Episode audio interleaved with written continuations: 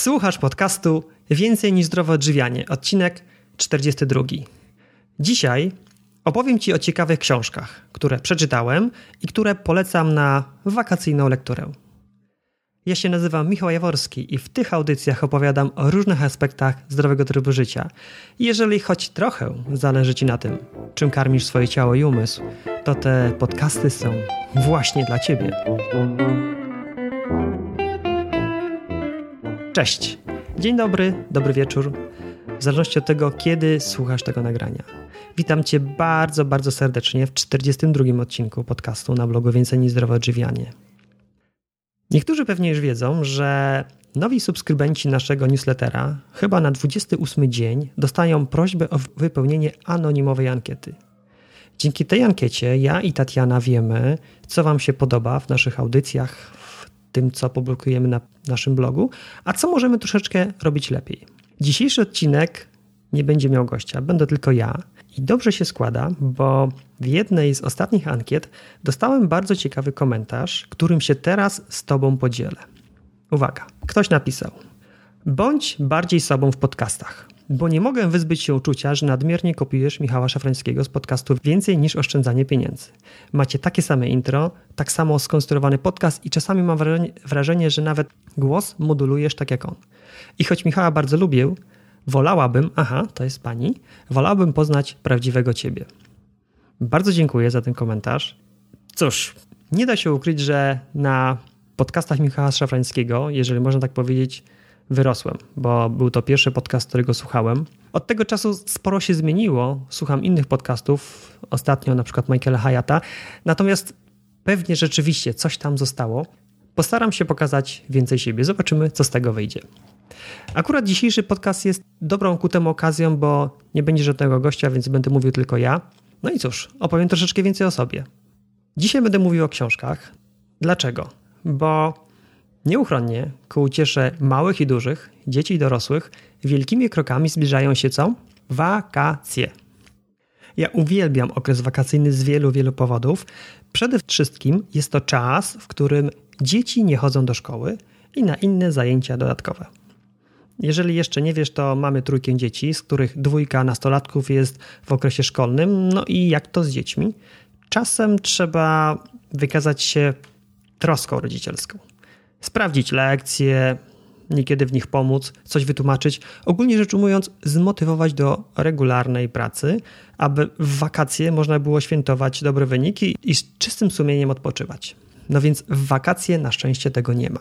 Więc i dla nas, rodziców, dla mnie i dla Tatiany jest to odpoczynek również od szkoły. W wakacje również zawieszane są wszelkie zajęcia dodatkowe, jeżeli na takowe dzieciaki chodzą. Nie trzeba więc ich odwozić, dowozić, przywozić i takie tam. Ogólnie jest dużo, dużo więcej wolnego czasu. Oprócz tego wakacje to okres wypoczynku letniego, więc jeżeli ktoś skrzętnie i regularnie odkładał jakieś sumy, to może sobie teraz pofantazjować, zaszaleć i wyjechać na upragnione wakacje. No tak, już kończąc te wychwalanie okresu wakacyjnego, powiem tylko, że to jest czas, w którym zwykle jest dużo więcej słońca, dni są zdecydowanie dłuższe, więc jest to doskonały okres do odpoczynku na świeżym powietrzu, który bardzo, ale to bardzo każdemu z nas jest potrzebny. Dla mnie wakacje to również okres do odpoczynku. Odpoczynku nie tylko od szkoły, i zajęć dodatkowych dzieci, ale również odpoczynku od pracy. I nie mam tu tylko na myśli pracy zawodowej, ale również tego, co ja i Tatiana robimy bardziej hobbystycznie, czyli od prowadzenia bloga. Najprawdopodobniej, jeszcze do końca tego nie wiem w jakim stopniu, ale w okresie wakacyjnym na naszym blogu będzie troszeczkę mniej się działo. O ile mniej, zobaczymy. W okresie wakacyjnym zazwyczaj łatwiej jest wygospodarować trochę więcej czasu na przykład na czytanie. Ja nie wyobrażam sobie wyjazdu wakacyjnego bez książki. Po aktywnym dniu uwielbiam zalegnąć gdzieś w cieniu i sobie poczytać. W tym podcaście opowiem Ci o 10 książkach związanych ze zdrowym stylem życia, które przeczytałem podczas minionego roku. Nie będą to wszystkie książki, które czytałem, tylko te, które uważam, że są naprawdę wartościowe, te, które w jakiś sposób mnie poruszyły i sprawiły, że do naszego życia wprowadziliśmy jakieś zmiany, zazwyczaj pozytywne. I już przechodząc do konkretów, pierwsza książka. Beata Sokołowska, Alkaliczny styl życia.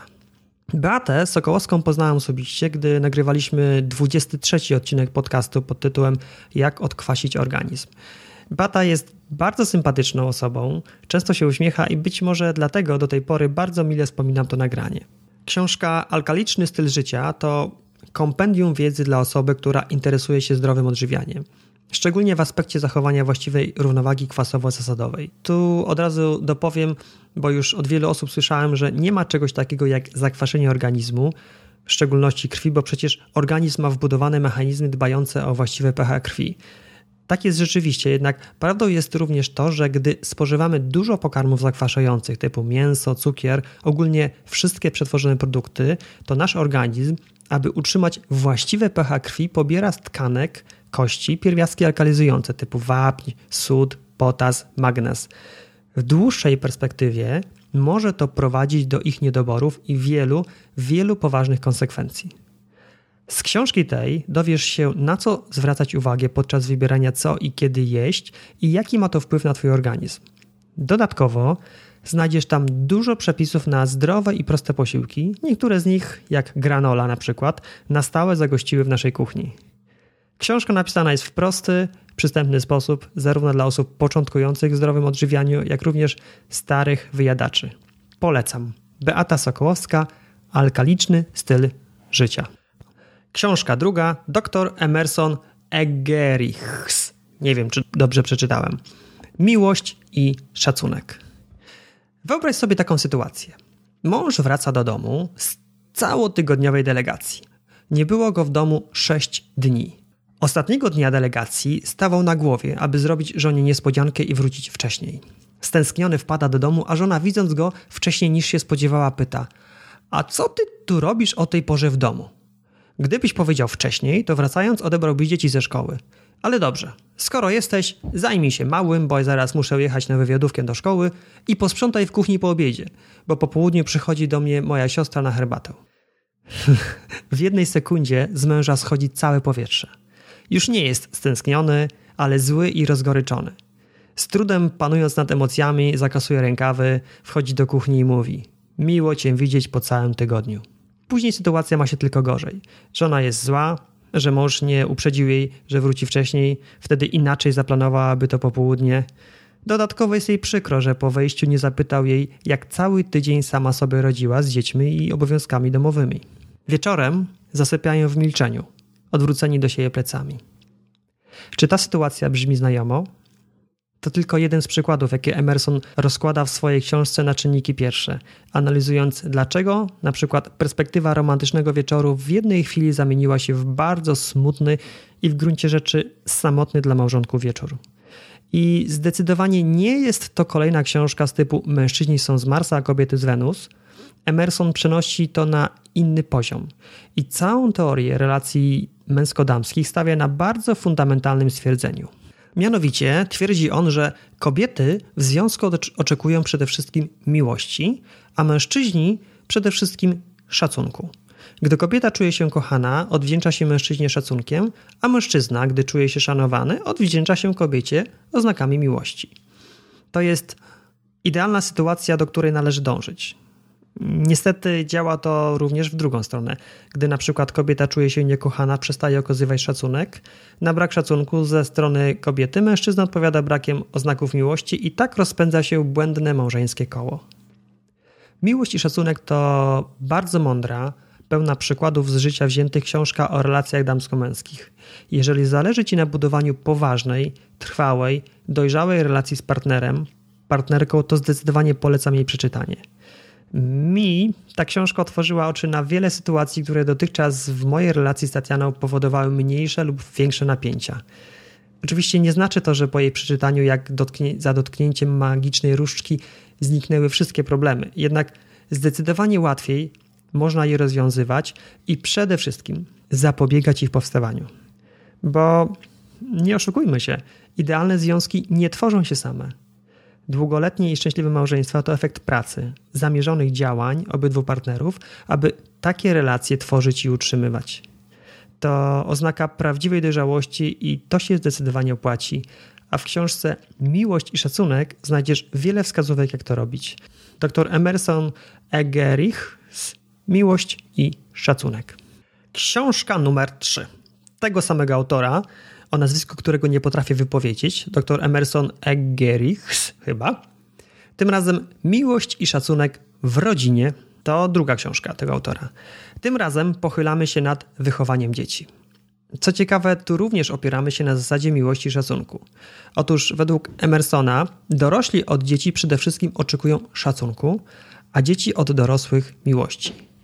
Jeżeli dorośli nie czują się szanowani, zwykle reagują ochłodzeniem i brakiem oznaków miłości, a dzieci odwrotnie. W tym przypadku również dochodzi do tak zwanego dodatniego sprzężenia zwrotnego, to taki termin z automatyki. Brak miłości powoduje brak szacunku i tak dalej. Oprócz analizy i wskazówek, jak postępować z wychowaniem dzieci na różnych etapach ich rozwoju, znajdziesz tam również rozróżnienie sposobu wychowywania w zależności od tego, czy masz córkę, czy też syna. Jest tam również wiele praktycznych przykładów. Ja, korzystając z rad zawartych w tej książce, usprawniłem na przykład poranne rodzinne śniadania.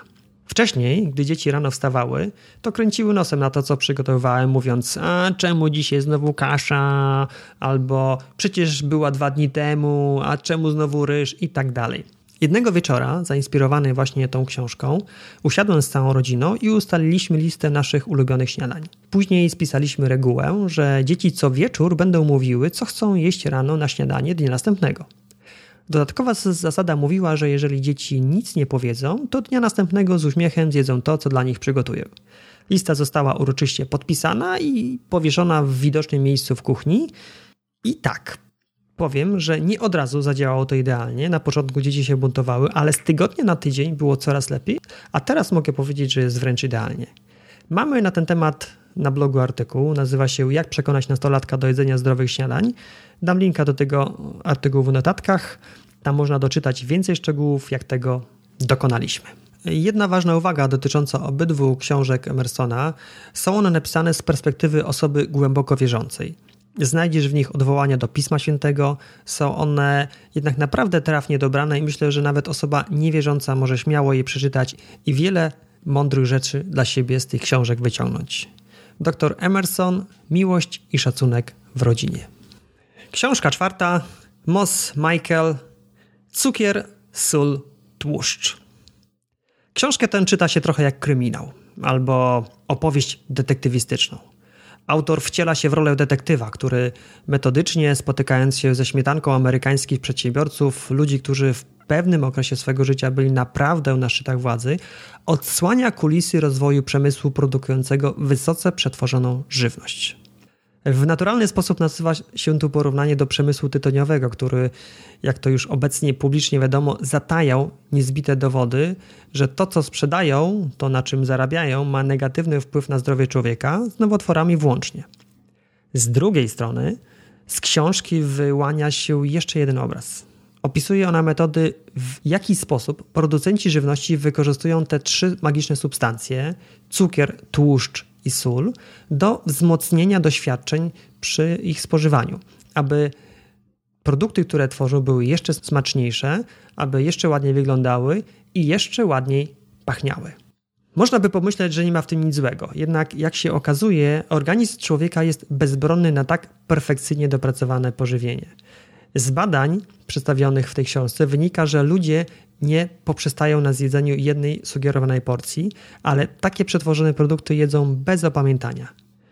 Ilość spożywanych produktów w połączeniu z ich zawartością, czyli dużą ilością kalorii i małą ilością pozostałych składników odżywczych, jest główną przyczyną większości obecnych chorób cywilizacyjnych. Książka ta co prawda opisuje realia rynku amerykańskiego, jednak wiele z opisanych w niej mechanizmów, sztuczek stosowanych przez producentów żywności jest już stosowanych również w Europie i oczywiście w Polsce. Książkę tę polecam każdemu, kto kiedykolwiek zastanawiał się, dlaczego w Ameryce jest tyle otyłych osób. To nie jest tylko wina wyłącznie GMO. Również osobom, które są ciekawe, co takiego producenci robią, i jak to robią, aby nas skłonić do jeszcze częstszego sięgania po wysoce przetworzone, wysoce kaloryczne produkty. Jako jeden z przykładów opowiem o tak zwanym efekcie błogości. Jest to uczucie, które się pojawia po zjedzeniu czegoś słodkiego. Tylko, że dany produkt nie może być zbyt słodki, bo wtedy robi się mdły. ani za mało słodki, bo wtedy efekt nie jest wystarczająco silny. Okazuje się, że efekt błogości u różnych ludzi jest osiągalny przy innej ilości cukru. Generalnie im bardziej rozwinięta nacja, np. kraje zachodnie, tym więcej cukru trzeba dodać, aby go osiągnąć na optymalnym poziomie. Naukowcy pracujący na zlecenie koncernów spożywczych stworzyli nawet modele matematyczne, aby producenci dokładnie wiedzieli, ile cukru należy dodać, aby dany produkt najlepiej się sprzedawał w danym miejscu na świecie. Podobnie jest z solą i z tłuszczem, chociaż tam działają inne mechanizmy. Mnie ta książka skutecznie zniechęciła do jedzenia czegokolwiek, co jest zapakowane w kolorowe pudełeczko czy też buteleczkę oraz utwierdziła w przekonaniu, że dobrze robimy rezygnując z produktów przetworzonych na rzecz prostych, pełnowartościowych pokarmów typu kasze, nasiona, świeże owoce i warzywa. Moss Michael, książka Cukier, sól i tłuszcz. Pozycja piąta. Charles Duhigg, Siła nawyku. Czy kiedykolwiek zdarzyło ci się, że kierując samochodem zamyśliłeś, zamyśliłaś się i nie pamiętałeś, jak pokonałeś dany dystans? To jest możliwe, bo prowadzenie samochodu stało się dla ciebie nawykiem, czynnością, którą wykonujesz automatycznie bez szczególnego się nad nią zastanawiania. Ewolucja specjalnie nas ludzi wyposażyła w taki mechanizm, abyśmy mogli takie czynności rutynowe automatyzować realizować bez szczególnego obciążania naszego umysłu, aby w tym czasie mózg mógł się zająć czymś bardziej pożytecznym, czymś bardziej twórczym, kreatywnym. Charles dekomponuje mechanizm działania nawyku na trzy etapy. Wskazówka, czyli coś, co uruchamia dany nawyk, zwyczaj, czyli program, który jest automatycznie wykonywany przez mózg i nagroda, czyli motywator, dzięki któremu chcemy dany nawyk wykonywać. Nawyków nie da się wyłączać, ale można je przeprogramowywać. Na przykład, masz nawyk, że codziennie podczas lunchu, w pracy idziesz do sklepu po słodką bułkę, którą potem zjadasz w kuchni razem z kawą. Dekomponując to na czynniki pierwsze. Wskazówka to lunch, program kupienie bułeczki, nagroda to podniesienie poziomu cukru we krwi. I teraz najważniejsze. Jeżeli utrzymamy tę samą wskazówkę i tę samą nagrodę, to między nimi możemy wstawić nowy zwyczaj. Na przykład, codziennie po lunchu idziesz do sklepu, ale kupujesz jabłko. To oczywiście tylko jeden z przykładów i rzeczywistość wcale nie jest taka prosta. Jednak zdecydowanie nasze nawyki można przeprogramowywać. Złe nawyki można zmieniać na dobre. Trzeba tylko po pierwsze wiedzieć, że to jest możliwe, po drugie wiedzieć, jak to zrobić. I właśnie po to jest ta książka. Czyta się ją bardzo dobrze.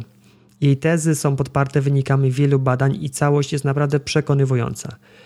I ja korzystając ze wskazówek zawartych w tej książce wprowadziłem w swoim życiu kilka zdrowych nawyków.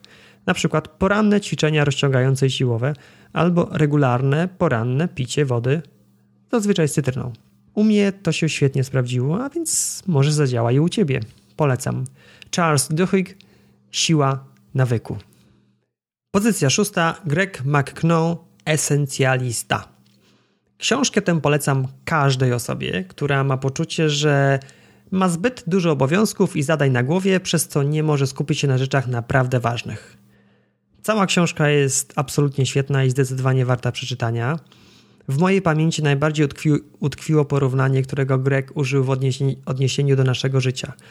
Otóż porównał on nasze życie do garderoby, do której co i raz dokładamy jakieś nowe ubrania. Co prawda od czasu do czasu stajemy przed tą garderobą z zamiarem jej uporządkowania, no i co wtedy robimy? No zadajemy sobie jakieś pytanie, na przykład takie, czy to mi się kiedyś jeszcze przyda? Na tak postawione pytanie łatwo jest odpowiedzieć, że no może kiedyś tak. W efekcie nasza garderoba z roku na rok staje się coraz bardziej pękata, a nam jest coraz trudniej wcisnąć tam kolejne ubranie. Ta garderoba to oczywiście nasze życie, a ubrania to zadania, które na siebie bierzemy.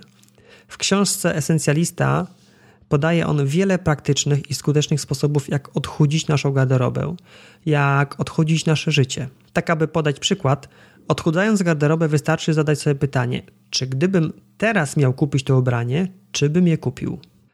Czy gdybym teraz miał kupić to ubranie, czy bym je kupił? Jeżeli szczerze sobie odpowiesz, że nie, to znaczy, że czas się już z nim pożegnać. Podobnie jest w życiu. Wiele aktywności, znajomości, projektów ciągniemy tylko po to, bo nie potrafimy postawić sobie właściwego pytania. nie potrafimy lub czasem boimy się powiedzieć zdecydowanie nie i stworzyć miejsce na nowe zadania, nowe wyzwania, które przed nami stawia życie.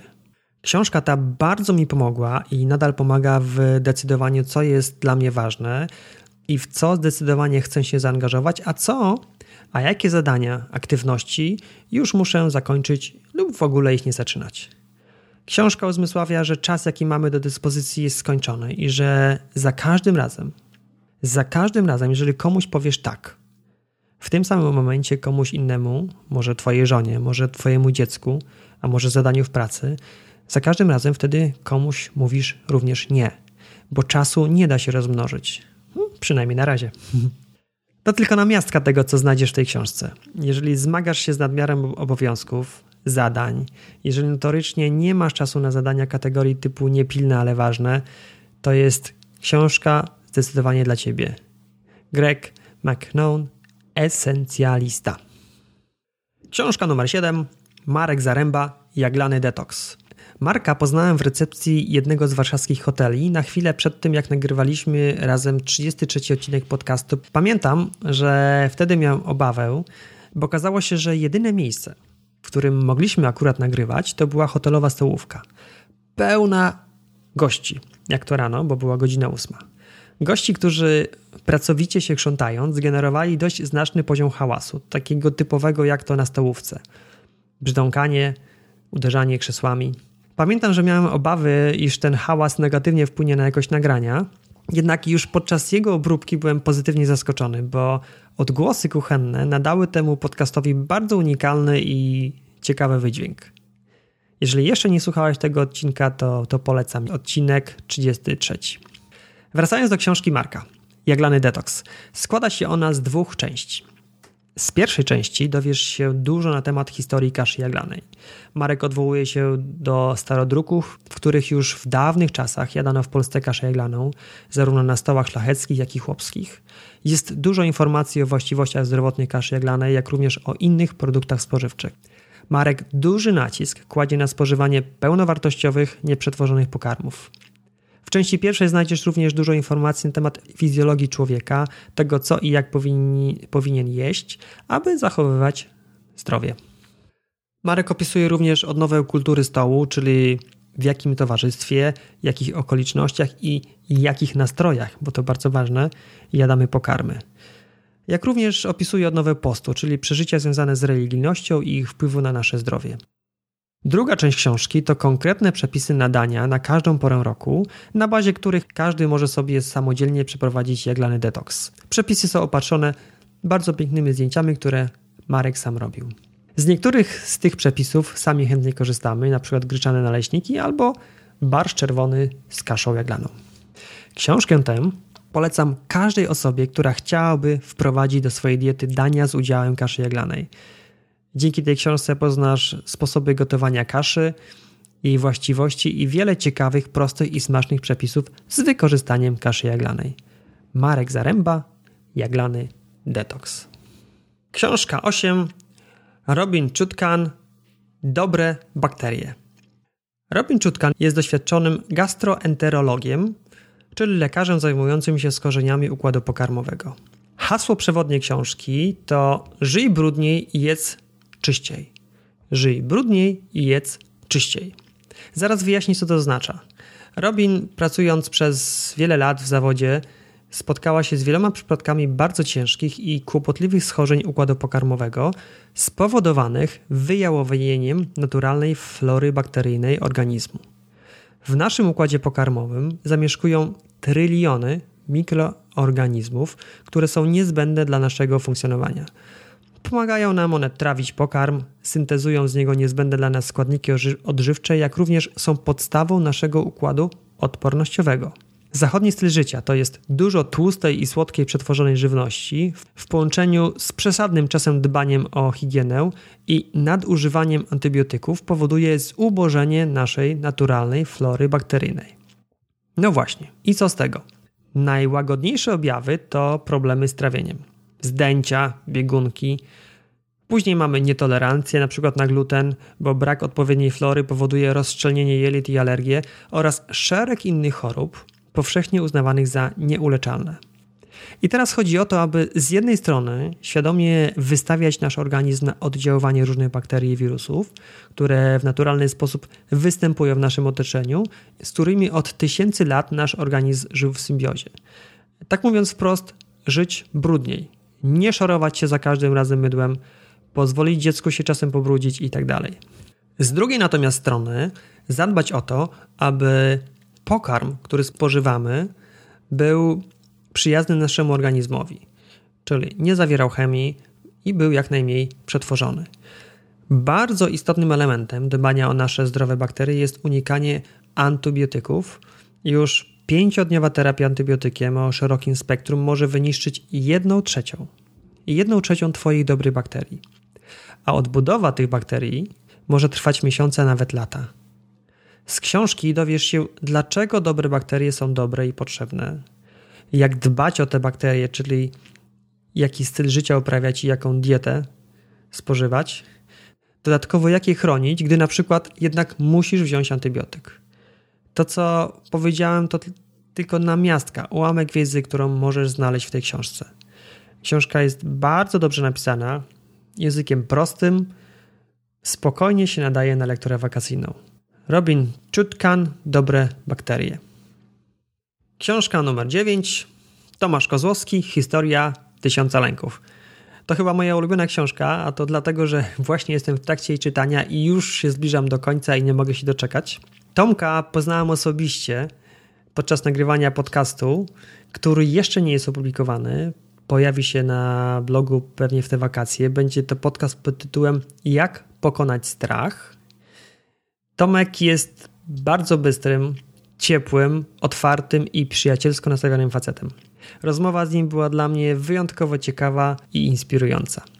Z podcastu, który opublikuję niebawem, dowiesz się przede wszystkim tego, jak sobie radzić ze strachem i lękiem, bo wbrew pozorom to wcale nie jest to samo. Strach jest normalną reakcją organizmu na racjonalny, podkreślam, racjonalny czynnik stanowiący dla niego zagrożenie. Każdy człowiek się czegoś boi. Lęk natomiast jest naszym przerysowanym, przejaskrawionym wyobrażeniem tego, co złego może się stać, a to już wcale nie jest dobre. Pozbycie się fobicznych lęków wymaga wręcz terapii specjalistycznych. Książka Historia Tysiąca Lęków jest właśnie o strachu i lęku, a tłem do niej jest skok spadochronowy, który Tomek wykonał z prawie 12 km, czyli ze stratosfery, ustanawiając przy tym rekord Europy. Skok ten był uwieńczeniem długiej drogi, czasem walki, jaką Tomek musiał sam ze sobą odbyć, aby do tego skoku doszło. Tomek po prostu po ludzku się bał i o tym wszystkim pisze. Pisze, jak bardzo się bał i jak sobie z tym strachem radził. Książka uzmysławia jedną bardzo ważną rzecz. Na Ziemi nie ma superbohaterów. Każdy człowiek, czy to ratownik górski, skoczek spadochronowy, himalaista, pilot, każdy człowiek odczuwa strach i to jest normalne. Jednak to, jak sobie radzisz z tym strachem, odróżnia te szczególne osoby od tych, powiedzmy, przeciętnych. Tak powstają właśnie superbohaterowie. Normalni ludzie robiący nadzwyczajne rzeczy. Książka oprócz bardzo ciekawej i merytorycznej treści ma wyjątkowo ciekawą formę. Czyta się ją trochę jak Stephena Kinga. Tomek używa bardzo barwnego języka z dużą ilością porównań, przenośni. Sam nie wiem skąd on je powytrzaskiwał, ale są genialne. I już to powoduje, że już od pierwszego zdania czujemy się, jakbyśmy byli w samym centrum akcji. Jesteśmy w miejscu, gdzie był Tomek i razem z nim przeżywamy jego przygody. Fantastyczna lektura nie tylko na lato. Tomek Kozłowski, Historia Tysiąca Lęków. Dziesiąta książka, już ostatnia. Beata Sokołowska, Alkaliczny Detoks. A tak ciekawie wyszło, że dzisiejsze recenzje zacząłem od Beaty i na Beacie kończę. Druga książka Beaty ukazała się na początku marca tego roku i od razu weszła na listę najlepiej sprzedających się książek w Polsce. Nie ma w tym w sumie nic nadzwyczajnego, bo Beata pisze naprawdę świetne książki. Oprócz gruntownej wiedzy jest tam bardzo dużo przykładów z jej życia oraz życia osób, które zastosowały zaproponowane przez nie wskazówki. Książkę Alkaliczny Detoks polecam wszystkim, którzy chcą wykonać gruntowne sprzątanie swojego organizmu. Mówię sprzątanie, bo takiego właśnie porównania używa Beata opowiadając o detoksie, czyli o oczyszczaniu. W książce tej znajdziesz dokładny opis czterech podstawowych polecanych przez Beatę diet oczyszczających. Jest to najbardziej chyba wszystkim znana dieta warzywno-owocowa. Dalej mamy dietę opartą na kaszy jaglanej, mniej więcej taką, jak o, o której pisał Marek Zaręba. Trzecia to głodówka, która może być w wersji lekkiej, czyli na sokach, lub takiej hardkorowej, czyli na, na, po prostu na wodzie. Ostatnie oczyszczanie to detoks pozbywający się z organizmu pasożytów, tak zwany gruntowny detoks. Mówiłem dzisiaj o dobrych bakteriach, czyli o takich, z którymi żyjemy w symbiozie, jednak w naszym organizmie mogą również zasiedlić się pasożyty, które nic dobrego nam nie dają, a tylko pobierają. Takim najbardziej działającym na wyobraźnię przykładem jest tasiemiec, ale oczywiście lista lokatorów na gapę na nim się nie kończy. Możemy mieć dziesiątki innych mniejszych pasożytów, z którymi możemy żyć latami i nic o nich nie wiedząc. Ich obecność może być niezauważalna, jednak może również powodować jakieś dolegliwości typu osłabienie, alergie itd. Tak no bo jak mamy w sobie jakiegoś lokatora, no to on produkty swojej przemiany materii po prostu wydala do środka do nas. I to są zazwyczaj substancje toksyczne. W większości przypadków nasz organizm jakoś sobie radzi z pozbywaniem tych toksyn, jednak gdy sytuacja trwa długo, latami, to może się okazać, że idzie mu coraz słabiej i że jakieś objawy się nasilają. Co bardzo ważne, takich lokatorów można się pozbyć w dość humanitarny sposób, poprzez użycie naturalnych suplementów, które stworzą w naszym organizmie warunki niesprzyjające pasożytom. Tu podkreślam, suplementy te nie trują nas ani pasożytów, ale zmieniają czasowo środowisko w naszym organizmie, zmieniają je na takie, które nie jest sprzyjające pasożytom i w ten sposób się ich pozbywamy. Na temat książki Alkaliczny Detoks nagrałem z Beatą dedykowany podcast, jest to odcinek 38. Alkaliczny Detoks, jak oczyścić organizm. Linka do tego nagrania podam również w notatkach do tego odcinka podcastu. Tak, żeby zachęcić Cię do zrobienia w sobie takich gruntownych porządków, powiem, że ja już dwa razy przechodziłem głodówkę na sokach i jedno oczyszczanie na diecie owocowo-warzywnej. To jest naprawdę niesamowite przeżycie, zarówno w sferze fizycznej, samopoczucie w trakcie, jak i po, ale również w takiej sferze trochę duchowej. Śmiało mogę powiedzieć, że jeżeli ktoś raz poprawnie przeprowadził takie oczyszczanie, to, to będzie to robił regularnie. To, to normalnie uzależnia, ale tak naprawdę pozytywnie. Podkreślam, poprawnie przeprowadzić, bo zabierając się do, do oczyszczania od niewłaściwej strony, można popełnić wiele prostych błędów, które niweczą włożony trud i po prostu cię zniechęcą. Dobrze jest wcześniej najzwyczajniej w świecie kogoś podpytać, kto takie oczyszczanie przeprowadzał i może ci doradzić. W czasie, gdy nagrywam ten podcast, Tatiana jest akurat w połowie swojego kolejnego oczyszczania. Jest to tak zwany gruntowny detoks, w którym efekt oczyszczający jest dodatkowo wzmacniany użyciem naturalnych suplementów. Specjalnie chciała to przechodzić jeszcze przed wakacjami, aby już latem nie myśleć o oczyszczaniu, tylko skupić się na wypoczynku i na przykład na czytaniu ulubionych książek. O naszych doświadczeniach związanych z oczyszczaniem po wakacjach planujemy nagrać dedykowany odcinek podcastu, gdzie opowiemy krok po kroku, jak do takiego oczyszczenia się przygotować i jak je przeprowadzić. To wszystko, jeśli chodzi o książki. Przygotowałem dzisiaj dla Ciebie 10 propozycji. Mam nadzieję, że któraś z nich przypadnie Ci do gustu i że zdecydujesz się przynajmniej jedno z nich, a może więcej, zakupić i w te wakacje przeczytać. Polecam. Notatki do tego odcinka podcastu znajdziesz pod linkiem www.więcejniezdrowoodżywianie.pl ukośnik P042 jak 42 odcinek podcastu.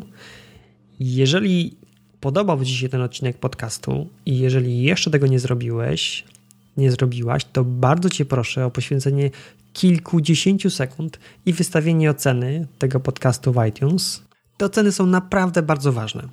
Z dwóch powodów. Po pierwsze, dzięki tym ocenom mój podcast jest lepiej widoczny w wyszukiwarce iTunes i łatwiej może dotrzeć do innych ludzi zainteresowanych tym tematem. A drugi powód jest taki, że mi czasem zwyczajnie po ludzku też nie zawsze się chce nagrywać. I co ja robię? No, szukam motywatorów. Jednym z takich motywatorów, genialnie, genialnie działających są Wasze komentarze. Zaglądam wtedy do iTunes albo do ankiety, o której wspominałem na początku, i czytam. I w 9 przypadkach na 10 od razu poprawia mi się humor i mam energię i ochotę do nagrywania. Więc jeżeli to, co nagrywam, w jakiś sposób Cię inspiruje, w jakiś sposób sprawia, że Twoje życie, choć odrobinę, staje się lepsze, to podziel się z tym ze mną, wystaw mi taki komentarz albo napisz maila, bo to jest naprawdę. Słyszałem takie porównanie, że komentarze dla blogerów to jest jak paliwo lotnicze dla samolotów. I mogę się pod tym podpisać, bo są okresy, w których tych informacji od Was jest więcej i naprawdę ta energia i chęć do tworzenia nowych treści są dużo większe, no a czasem jest gorzej. Więc każdy komentarz bardzo, bardzo mile jest widziany. Możesz to zrobić w iTunes, możesz mi napisać maila. Adres znajdziesz na naszym blogu w zakładce o nas. Już tak zupełnie na koniec. Może ty ostatnio czytałaś, czytałeś jakąś ciekawą książkę. Książka, która w jakiś sposób cię poruszyła, sprowokowała do przemyśleń. Jeżeli tak, to napisz w komentarzu jej tytuł, autora i jedno, maksymalnie dwa zdania, o czym ta książka jest i dlaczego warto ją przeczytać. Będę Ci za to bardzo, bardzo wdzięczny. Żegnając się już dzisiaj, życzę Ci absolutnie fenomenalnych wakacji, podczas których spędzisz cudowny czas ze swoimi najbliższymi, odpoczniesz i naładujesz swoje akumulatory, aby w nowym, po wakacyjnym sezonie zakasać rękawy i zabrać się do wdrażania zdrowego stylu życia. Tego Ci serdecznie życzę i do usłyszenia za dwa tygodnie.